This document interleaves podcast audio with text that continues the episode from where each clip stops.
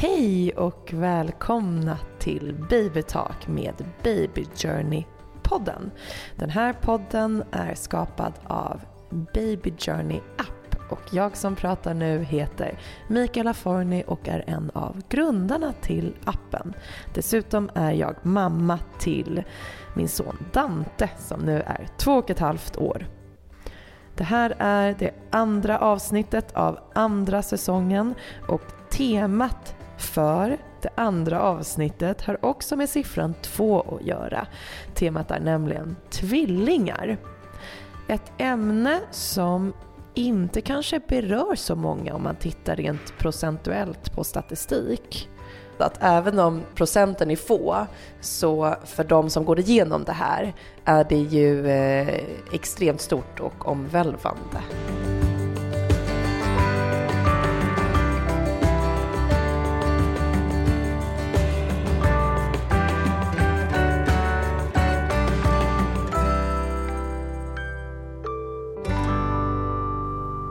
Sofie! Hej! Vad roligt att du ville vara med i Baby Talks med Baby Journey. Jättekul att få vara med. Det här är ju så spännande. Jag är väldigt exalterad över dagens ämne. Men först tänkte jag att du ska få berätta lite om dig och vem du är och varför du sitter här med mig. Ja, jag heter Sofie och jag är barnmorska och jobbar på en förlossningsklinik i Stockholm och jag håller även tvillingkurser online. Och eh, jag är även förälder själv. Mm. Eh, innan jag blev barnmorska så var jag barnsjuksköterska och jobbade på ett barnsjukhus i Stockholm. Så jag har ju träffat tvillingar i alla åldrar och tycker att det är väldigt kul att jobba med familjer. För man får ju både och. Man får föräldrarna och man får barnen när man är barnmorska, vilket jag tycker är jättekul. Och jag tycker att det är alldeles fantastiskt med tvillingar. Alltså, jag tycker ju också det. Och som jag sa i introt så väntar ju Timmy som är min lillebror och som också är grundare av eh, Baby Journey tillsammans med mig och Damon. Han och hans tjej Sofia väntar ju då tvillingar och det har gjort att det här känns extra kul och speciellt för mig. Och eh, såklart kanske därför vi har valt att ge tvillingämnet lite extra uppmärksamhet i Baby Journey. Vad tycker du är det vanligaste samtalsämnet när man pratar om just tvillingar, enligt din uppfattning av alla de här du har träffat? Jag tycker att det är att man pratar om att det är något alldeles extra och mm. ganska unikt. Att liksom föräldrarna är lite utvalda som mm. får två på en gång. Eh, och på jobbet så vet man alltid när det är tvillingar på gång. Antingen att de ska föda eller att de precis har fötts. Mm. För det kräver ju lite extra resurser. Så det är som att alla är lite involverade fast mm. alla inte har hand om dem. Ja. Så att det mesta tycker jag är väldigt positivt just mm. för att man tycker att det är eh, så fantastiskt. Men mm. sen är det ju också lite det här oj, att det är lite jobbigare, det kan vara lite tuffare att både vänta tvillingar och sen att få två barn på en mm. gång. En stor omställning. Ja, för att jag tänker, jag har ju då både min bror och sen en av mina närmsta vänner som har gått igenom och fått tvillingar Eh, här nyligen. Och eh, båda de har sagt att den vanligaste reaktionen när de har berättat för folk att de väntar tvillingar är så här Nej, stackars er. Och de bara Japp, okej, okay, tack för peppen, då kör vi. Ehm, och Timmy sa att det är bara två personer av kanske liksom närmare hundra som han har berättat för att han ska bli tvillingförälder. Som har sagt, men gud vad kul och vilken rolig grej och spännande. Och alla andra bara, men gud hur ska ni göra? Så jag tycker ändå att det är intressant att det känns som att för, liksom, många har en uppfattning om att nej shit vad jobbigt. Men det ska också tilläggas att de flesta av de här människorna är föräldrar själva. Jaha, så tycker Så jag tror att de bara utgår ifrån hur jobbigt de har tyckt det har varit att få en åt gången. Och då tänker man dubbelt upp. Uh. Ja. Men jag tänker att eh, man klarar av det. Det mm. gör man. Och har man inte barn sedan innan så har man ju inget annat att jämföra med. Då blir det ju ens vardag. Så är det ju. Så då kommer mm. man bara klara av det. Mm. Och är det någonting som vi har lärt oss av bebisresan så är det att man klarar av allt. Även om man inte tror det innan. Det Eller man. under. Jag tänkte att vi skulle ta oss igenom tvillingresan från eh, första början. Så man går på sitt första ultraljud hos MVC och där får jag eller jag och min partner reda på att eh, vi väntar tvillingar. Hur ska man reagera? Vad är den vanligaste reaktionen och eh, får man bli ledsen? Eh, jag tror att eh, väldigt många blir ju chockade, för det här är ju kanske något man absolut inte har tänkt sig. Nej. Det är nog en stor chock och det kan det ju vara oavsett när man kommer på första ultraljudet att man faktiskt ser att det är någonting i livmodern. Det har mm. man kanske inte förstått riktigt helt innan och nu mm. helt plötsligt så ser man att det är två. Mm. Och man får självklart bli ledsen, man får reagera hur man vill för det är en stor omställning att bli förälder. Och då kan det ses som liksom en övermäktig uppgift att man helt plötsligt ska ta hand om två, inte mm. bara ett barn. Så att jag skulle säga att många blir nog chockade och det tar tid att landa att mm. man faktiskt ska få tvillingar. Mm. Ja, gud. Alltså, jag tänker själv liksom hur man hade reagerat. Speciellt eh, om man då inte har tvillingar i släkten eller så här, man tänker att men, det kommer inte hända mig. Och så blir det den här slumpen att man får reda på att men shit, jag ska ha två barn. Eh, känslan när man går därifrån hade varit extrem chock kan jag tänka mig. Ja, och jag tror också att det det kan ju vara så att man också är ensamstående. Mm. Då ska man helt plötsligt klara av två själv. Ja. Ehm, men det kan ju vara en chock även om man lever i en relation. Att mm. det kommer bli tufft att man får två på en gång. Men så självklart får man bli ledsen. Mm. Och tycka att det känns superjobbigt där och då. Skönt.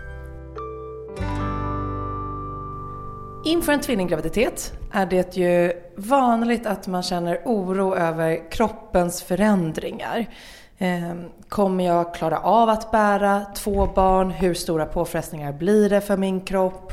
Ehm, och hur fasiken ska det här gå? Ehm, hur tycker du att man ska tackla de här tankarna? Eh, jag tänker att det är bra att inte ta ut någonting i förskott. Mm. För man vet ju inte hur man kommer att må. Och det betyder inte heller att det automatiskt blir en jobbig graviditet. Nej. Eh, för att det är två. Mm. Och sen så tycker jag att det är viktigt att man känner sig trygg och har förtroende för den barnmorskan och läkaren man träffar på mödravården. För mm. där ska man kunna ta upp sin oro och sina tankar kring förlossning, föräldraskap och själva graviditeten. Så att man känner att jag kan faktiskt lyfta det jag är orolig för. Mm.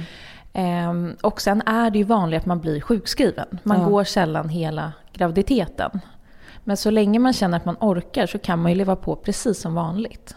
Hur större påfrestning är en tvillinggraviditet för kroppen? Det är svårt att säga exakt hur mm. mycket större påfrestning det är. Men det är klart, det är ju två barn man väntar, så det är klart att det blir tyngre. Man kan gå upp lite mer i vikt, man kan få lite mer graviditetssymptom som till exempel hemorrojder, åderbråck, halsbränna, sova lite sämre. Så det är klart att det blir ju en påfrestning och sen kan man även drabbas av lite mer komplikationer som till exempel högt blodtryck och havandeskapsförgiftning. Mm. Så att det kan ju ses som, eh, det är lite tyngre. Mm. Men man behöver som sagt inte må sämre än om man väntar ett barn. Finns det någon eh, speciell vecka som, man, eh, som alla som väntar tvillingar blir sjukskrivna? Ungefär vecka 28 mm. brukar vara ungefär en gräns. Mm. Och blir man inte det så är det ju ändå bra att tänka att man ska börja dra ner på tempot. Mm. Och se, för att ofta föder ju, 50% föder ju före vecka 37. Mm. Och då måste man kanske börja se sig själv som fullgången när man har passerat kanske vecka 34-35. Att nu mm. kan de faktiskt komma. Många föds i vecka 35-36. Mm. Så att man faktiskt drar ner på tempot, även om man inte är sjukskriven. Ja, bra input, bra att tänka på. Vad är skillnaden på enäggstvillingar och tvåäggstvillingar och hur ser man det på ultraljudet? Ja, då är det ju så att enäggstvillingar är ett ägg som blir befruktat av en spermie som sen delar sig. Mm. Och den kan dela sig olika dagar och då blir det olika typer av enäggstvilling-graviditet kan man säga. Oj. Ehm, och sen tvåäggstvillingar är två ägg som blir befruktade av två spermier. Och det är ju så, när man har varit på första ultraljudet så kommer man bli skickad till en specialist mm. för att försöka se då vilken typ av tvillinggraviditet det är. Mm. Och det är framförallt för att man vill se om de delar moderkaka. Mm. Och då ser man ju att, och att de har en skiljevägg mellan sig. Mm. För då, så att de ligger i varsin hinsäck. Det är mm. framförallt det man vill se. Och då kan, man, då kan de de som är duktiga på ultraljud ser helt enkelt att de här tvillingarna delar moderkaka eller har varsin. Och eh, visst är det så att tvåäggstvillingar är mer ärftligt och enäggstvillingar är snarare slump? Ja, precis. Tvåäggstvillingar är ärftligt. Mm. På, om man har det på mammas sida. Det kan mm. ju inte vara det på pappas. Mm. Eh, och enäggs är mer slumpen, precis. Så spännande. Mm. En förberedelse för en tvillingförlossning skiljer sig ju ganska mycket från förberedelserna för en vanlig förlossning.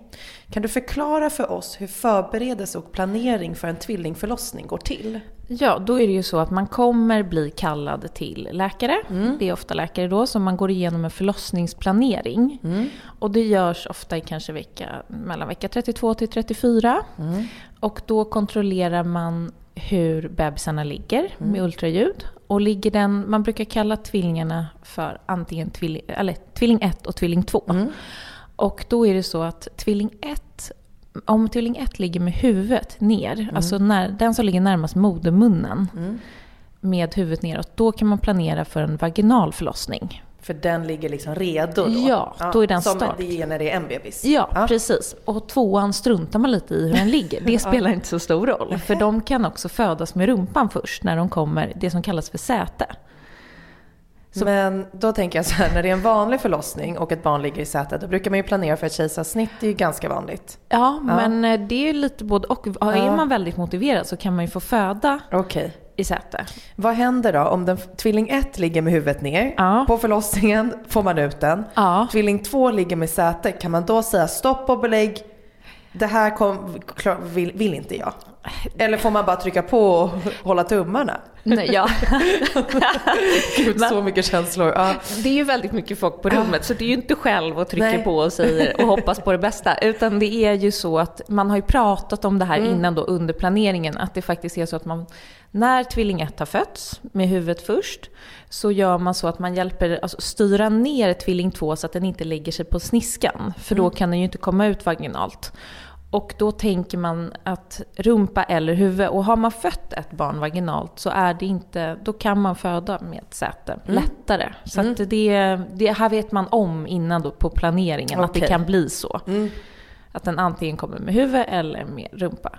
Händer det att man ena barnet föds i vaginalt och andra barnet är kejsarsnitt? Det händer.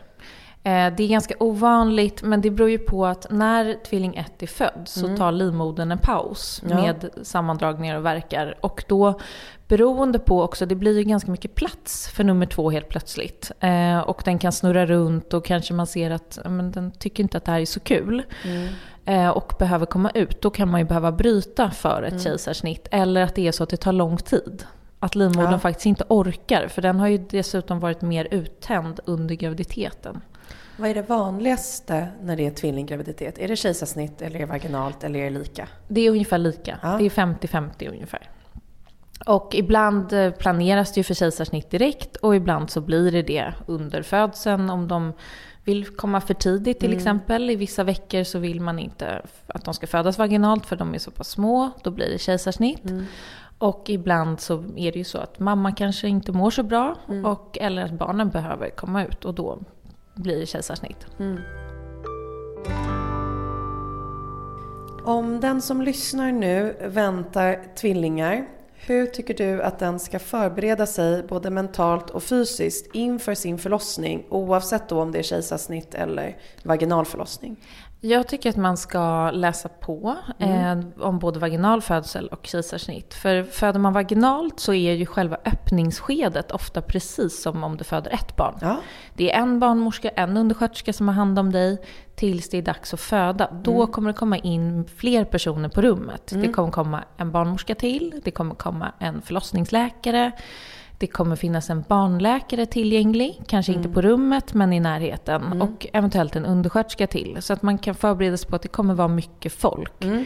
Och man kommer kanske inte få välja exakt förlossningsställning för man behöver komma åt magen. Så man mm. kommer guidas lite mer kanske när man ska föda. Och sen att eh, det är liksom, när en är ute då är det ju hälften, det är ju inte hälften kvar men det kommer ju en bebis till. Mm. Så man får förbereda sig någonstans på att det kan liksom, och då kan det ju som sagt bli ett kejsarsnitt, det är ovanligt, men att Mm. det kan hända att det händer. Ja. Finns det någon sån mental liksom, grej du tycker så här, ha med dig det här eh, in i förlossningen när det ska komma två? Jag tänker alltid så, man får tänka man gör så gott man kan. Ja, Ehm, att man, du kan inte göra mer än så. nej. Det är också kroppen som bestämmer hur det ska gå. Det är barnen som bestämmer också hur de mår. Vilket avgör ganska mycket under en förlossning. Men sen att man kanske har gått eh, någon profylaxkurs eller liksom att man har förberett sig på det. Liksom tänkt på vad gillar jag? För att, vad kan jag göra för att känna mig trygg när jag går in i en förlossning? Men verkligen att man gör så gott man kan. Man kan inte göra mer än så. Det är jättebra. Det är ju någonting som faktiskt alla som ska in på en förlossning, oavsett hur många barn man har i magen, borde ha med sig. Att så här, man gör sitt bästa och alla går ju verkligen in där och gör sitt bästa. Ja. Och mer än så kan man faktiskt inte göra. Nej. Vad har du för tips till partnern inför förlossningen? Om Eh. jag hade varit partner hade jag varit livrädd vill jag bara säga. Ja. Alltså jag hade varit livrädd. Jag hade, det är så mycket tankar, så mycket saker. Hur, vad har du för tips? Hur peppar man på bästa sätt? Hur stöttar man på bästa sätt? Jag tänker att man får liksom prata ihop sig. Man känner ju ofta varandra väldigt bra eftersom man ska ha barn tillsammans. Eh, och att man kanske skriver ett förlossningsbrev tillsammans. Där man också berättar att jag är orolig för det här. Eller jag tycker att det här ska bli lite läskigt. Eh, även som partner. Att för ett förlossnings... Eller journalen på mödravården är ju bara den som är gravid. Där står det ju ingenting om partnern. Nej. Så att din chans att berätta om dig är ju förlossningsbrevet. Men sen att man kanske går kurser tillsammans är alltid bra. Eh, eller läser böcker eller hör efter med andra. Och att man faktiskt ska föra den som föders talan lite under själva födseln. Att man ser sen, men det här känns inte bra. Att man då kliver fram och säger, vad händer nu? Eller jag ser att hon tycker inte att det här är kul. Nej. Eh, det känns inte bra för henne. Att man... Ja. Det är ju ett jättebra tips och det tror jag kan vara jätteviktigt att ha med sig. Mm. För som födande kan det ju också vara så att du har brist på energi eller du har, haft ett, du har hållit på länge, du är utmattad. Du kanske inte vågar kommunicera på ett visst sätt beroende på eh, vilka du har i rummet och på vi- vilket sätt de kommunicerar till dig. Så kan det vara så att du kanske backar undan eller inte vågar. Eller för att du är en mer eh, introvert person. Eller så kommer du in där och bara “jag ska ha det här och det här funkar inte för mig” och liksom vågar vara jättetydlig. Eh, men det kan ju vara skönt att veta att man har bestämt innan att Okej älskling, så här, om jag signalerar till dig eller om du ser någonting på mig, man kan ha kodord, alltså I don't know. Men så här, hjälp mig då. Se till så att situationen förändras. För det kan ju vara jobbigt ibland att be om saker själv. Ja men jättejobbigt och framförallt kan man alltid säga till personalen vi behöver vara lite själva. Så kan man också prata ihop sig. Ja. Man behöver inte göra det framför någon. Nej. Eh, Men att det är jätteviktigt att det är faktiskt den rollen man har som partner och stöd. Eh, Och sen är det så under graviditeten att man har mycket frågor. Nu börjar man ju lätta på restriktioner så nu får ju kanske partnern vara med mer på mödravården. Precis. Men annars att man skickar med sina frågor eh, när man går på besöken. Så att man får Det- svar ja. på det innan och att man har pratat ihop sig. Det är ett jättebra tips till partners för att eh, jag kan tänka mig att man kanske har mycket frågor och funderingar. Och speciellt om man är en partner inför en tvillingförlossning. Det kan finnas oro och mycket rädsla. Och så vågar man kanske inte ta den platsen för att man tänker att nej men inte ska väl jag. Jag har ju det lätta jobbet i det här. Och det har du ju. Men du älskar ju din partner och vill att det ska gå så bra som möjligt i förlossningsrummet. Och då får det ju vara okej att också vara rädd och lyfta sina frågor och tankar och funderingar. Eh, för att man ska ja, kunna göra ett så bra stöttande partnerjobb som möjligt helt enkelt. Ja, man blir ju föräldrar tillsammans. Så det är ju, man har ju en väldigt viktig roll. Så jag tycker att förbereda sig tillsammans och vet man också att man kanske ska ansvara för att liksom väskan är packad. Att allt är med som ska med till förlossningen i tid. Att den finns, att det inte är något som börjar starta tidigare, att den inte är på plats. För ni ska ju ändå ha med kanske lite extra saker. Man blir ofta kvar några extra dygn på BB när man har fått tvillingar. Och eh, då ska det ju vara med en del saker. Kanske till skillnad från om man bara har ett barn, för då kanske man går hem tidigare. Verkligen. Mm. Och eftersom att de kan komma ganska tidigt mm. kan det vara bra att se till så att allt är på plats lite tidigare ja. än för en, förloss, för en vanlig graviditet. Ja. Eller en eh, graviditet där det bara är ett barn som ja. ska komma. Mina kompisar som, eh, deras tvillingar kom i vecka 34. Då hade de fortfarande, allt bara stod i lådor hemma i, eh, i huset. Så de fick ringa någon mor eller farförälder och bara, kan ni åka dit och skruva ihop allt? Ja. För vi har inte skruvat ihop något. För vi tänkte inte att de skulle komma nu, vi trodde vi hade flera veckor på oss. De bara, Nej det hade ni inte. Men då har man förhoppningsvis schyssta mor eller farföräldrar som kan komma och hjälpa till, eller kompisar. Ja. Man tar sig igenom förlossningen och dels är det ju så att graviditeten räknas ju som en högriskgraviditet när det är tvillingar. Så det blir ju mycket fokus på eh, hur barnen mår i magen och mycket uppföljningar och många kontroller och så. Och sen så ska man då göra den här förlossningen eh, så det kan finnas mycket tankar och känslor kring. Men eh, summan av eh, de här två sakerna är att det ska komma två riktiga bebisar som ska flytta in och bo hos en för för resten av ens liv tänkte jag säga, men förhoppningsvis inte så länge. Men i alla fall i 18 år kanske. Um, hur tycker du att man ska förbereda sig på att bli tvillingförälder och första tiden med två barn? Ja, jag tycker att det är väldigt bra att läsa på om ett nyfött barn. Mm. Även att det bara är liksom, står om ett barn, ni får ju två. Så det är bra ja. att liksom försöka förbereda sig. Mm. Preppa i hemmet kanske lite med mm. eh, att det finns blöjor hemma, att det finns eh, handdukar, mm. eh, allt finns tillgängligt. Att man har gjort kanske om man har en mathörna eller att hemmet är ganska förberett inför att det kommer komma två. Mm. Men också att man kanske faktiskt går en barnkurs. Eh, eller kanske läser på hemsidor. Sjukhusens hemsidor har ofta väldigt ja. mycket om det nyfödda barnet. Mm. För det är ofta en bit som jag tycker kanske missas även om man bara får ett barn också. Mm. Att man faktiskt inte har läst på om hur, hur ofta ska ett nyfött barn äta. Eh, hur många blöjor kan man byta på ett dygn? Mm. Ja, det är väldigt många och de kan äta väldigt ofta. Alltså jag har aldrig sökt efter information så mycket som jag gjorde under de första veckorna som förälder. Mm. Och det var delvis därför jag, eh, vi valde att eh, grunda Baby Journey. För att vi kände att här, det, det finns inte tillräckligt och det går nog inte att få nog med information. Det behövs så mycket. Eh, för som du säger, man kommer hem och så så, hur många blöjor? Hur ofta äter, sover den för kort? Sover den för lite? Vi hade då ett barn som aldrig sov. Jag var så orolig för att han kommer dö för att mm. han sover för lite. Skulle inte barnen sova 22 timmar om dygnet? Min sover 15 minuter. så här, herregud. Och hur var det med mat? Kan de äta för mycket? Kan de äta för lite? Om man ska amma, hur ofta? Hur mycket? Behöver man mäta? Hur oroas Det är så mycket tankar och känslor och oro framförallt kunde mm. jag känna. Ja, och sen är det så här, man gör, det är samma sak där, man gör så gott man kan. Det finns inget föräldra liksom, facit heller. Nej. Utan man måste lära känna sina barn. Och jag tänker när man får två så måste man ta den tiden hemma kanske också tillsammans. Mm. Och få lite tid för var och en. Att man eh, byter bebis, man, har ju mm. liksom dub- man är ju två då så man mm. kan ta och försöka. De är ju egna individer också, de är ju absolut inte samma bebis. För, även om de är tvillingar. Mm. Så man försöker lära känna dem och ta lite tid, kanske några extra dagar att vara hemma för att få ihop det. Mm. Och att det ska kännas tryggt. Men framförallt att läsa på om barn innan. Mm. Jättebra. Finns det något lifehack du kan dela med dig av om man ska få tvillingar? Ja, men jag tycker att eh, babysitter ja. är alltid bra att ha två. Mm. Eh, för där sitter de ju där de sitter. De kommer ju inte ur en sån. Nej. Så vill man, är man själv hemma, sätta mm. ner dem när man ska duscha, ta in i badrummet, flytta runt. Mm. Eh, sen är det bra att om den ena vaknar och vill äta, då väcker man den andra. Jaha, varför då? Så att man får in det samtidigt, så att det inte är så att, de. Att efter en timme när ni har somnat om så vaknar nummer två.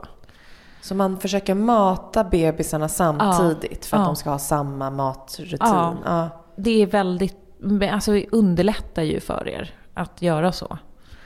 Otroligt smart. Det har jag inte ens tänkt på, men det är klart att man ska göra det. Det kan vara väldigt bra. Mm. Men, och sen så kanske köpa ett babynest som är för båda, för Ja. de sover ju ofta bra tillsammans. Finns det stora babynest? Det finns för tvillingar. Jaha, det visste jag inte heller. Nej, men det Gud vad jag lär mig saker. Jaha okej, så det finns tvillingnäst? Ja, det finns det. Ja. Och det har man även ofta på BB också. Eh, och sen att eh, man kanske kan köpa någon, det finns sådana så här som heter Moseskorgar som har hjul. ja.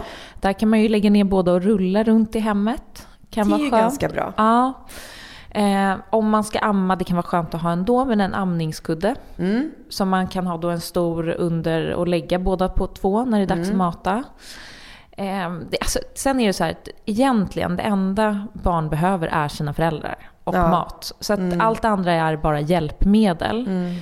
Eh, och man kan ju vänta med att köpa en del tills man är hemma och se vad behöver faktiskt vi. Mm. För återigen, där kan det vara jättemycket tips att det här behöver ni, det här behöver ni inte. Och det kan ju kännas ganska tufft ekonomiskt Mm. med dubbla uppsättningar av allting. Mm. Och sen att mycket finns ju att köpa i andra hand. Ja, och jag vill också slå ett slag för att låna av ens kompisar. Att, eh, okej, om man har kompisar som har fått barn nyligen eller som har haft barn sedan innan, fråga. Har ni en babysitter jag kan få låna några månader? För så lång tid är ju inte perioden som bebisar använder bebissaker. För att de är ju inte bebisar allt för länge. Eh, Innan man vet ordet av har de börjat krypa och röra sig omkring. Så man kan ju alltid fråga om att få låna saker som kan underlätta. Absolut, och det mesta går ju faktiskt att tvätta. För, alltså av det man lånar. Precis. Så att alla barnsaker går ju att tvätta. Ja, de här babysitters, det är ju bara att dra av. Ja. Jag hade ju ett spy, kräk, så den tvättades ju en hel del. Ja. Eh, och det funkar ju hur bra som, bra som helst. Ja, men lite Mm. försöka underlätta vardagen och sen att man faktiskt har kanske lagat en del mat innan och har i frysen. Mm. Att bara ta fram. Att ha hemma. Och framför allt om man ska vara själv hemma sen med två barn. Att det är lättillgängligt med mat för dig. Mm. För att annars kan det bli så att du har svårt att få i dig mat själv under en dag. Mm. Jättebra tips. Både om man har två eller om man har en. Ja. alltså, jag kände också att om det var någonting som jag bortprioriterade var det att äta för att det var svårt att Mm. fixa mat. Ehm, och att jag, man borde ha förberett så mycket som Mm. möjligt så att det är enkelt och bara går att äta med en gaffel eller drick, alltså no, smoothies, Mm. eh, så stor, stora kannor med smoothie borde man typ ha hemma så att man snabbt kan bara dricka i, fylla på med energi när det behövs. Du som har mött så många blivande och nyblivna tvillingföräldrar i ditt jobb, vad tar du med dig? Eh, Jag tycker ofta att det är en ganska härlig så här, teamkänsla. Och jag tycker att tvillingföräldrar ofta är kanske nästan lite mer förberedda. Man har förstått att det kanske kommer bli ja, lite tuffare för att det är två. Och man har liksom teamat ihop sig. Och att det kan vara så att den här partnern har en mer självklar roll. Eftersom det blir som att man tar hand om var sitt barn. Eller man Ja. behövs på ett annat sätt. Än när det bara är ett barn. Gud vad fint Ja, faktiskt. Ja. Så jag tycker att de är lite mer förberedda. Och har teamat ihop sig. Det kan jag förstå för att kommer det två bebisar då behövs båda föräldrarna lika mycket. För det är tuffare. Medan är det en bebis som också ammar kan det ju bli så att mamma och bebis får en ganska tight connection och att partnern kan känna sig lite att man står lite vid sidan av på avbytarbänken så. Men är det två bebisar då behövs ju båda föräldrarna så mycket som möjligt. Ja, så är det absolut. Och avlastning, man har kanske en lite mer självklar roll. Mm, precis. Gud vad fint. Vi har fått jättemånga frågor från våra följare när vi skrev att vi skulle ha ett tvillingavsnitt. Eh, Jag har valt ut tre av de frågorna som jag tänkte att du skulle få svara på. Och fråga nummer ett är Brukar en graviditet upptäckas tidigare med gravtest vid en tvillinggraviditet? Det är ju så här att om du väntar tvillingar så kan du ju ha kraftigare eh, graviditetssymptom. Till exempel illamående och trötthet och så ganska tidigt. Vilket gör att du kanske testar tidigare. Så att det är nog snarare det att du... Att symptomen dyker upp tidigare? Ja, och att du då misstänker tidigare att du är gravid. Men det blir inte så ett starkare st- plus nej, på stickan? Nej, inte, inte vad jag... Jag eh, läste faktiskt på lite om, eh, på deras olika hemsidor och det är ingenting de skriver i Nej. alla fall. Att det kan upptäckas så. Okay. Utan det är i så fall om man tar ett blodprov. Mm. För då kan man se att man har en ök, ganska hög halt sånt där graviditetshormon. Mm. Men det är ju ingenting du kan göra själv hemma. Och det betyder ju inte heller att det är tvillingar. Nej. Så att, eh... Bra, tack. Mm. Fråga nummer två. Måste man bli igångsatt i vecka 37 om man väntar tvillingar? Eller får man gå tills att förlossningen sätter igång själv? Alltså på de flesta sjukhus så gör man ju en individuell bedömning. Mm. Och det här beror ju också vilken, på vilken typ av tvillingar man väntar. Mm. Och sen så är det ju så att 50% föder ju före vecka 37 plus 0. Mm. Så att du har ju stor chans att föda innan dess mm. också. Men man kan ju alltid önska. Och mm. sen så tror jag när man väl kommer till vecka 37, om det är då det är sagt, och då är det ju ganska tungt och man längtar nog ganska mycket efter sina bebisar mm. och är rätt trött på att vara gravid. Ja. Så då kanske det är ganska lagom. Det kan jag verkligen tänka mig. Jag väntade en och var redo vid vecka 37. Eh, den sista frågan är. Vad är viktigt att tänka på om man vill föda vaginalt?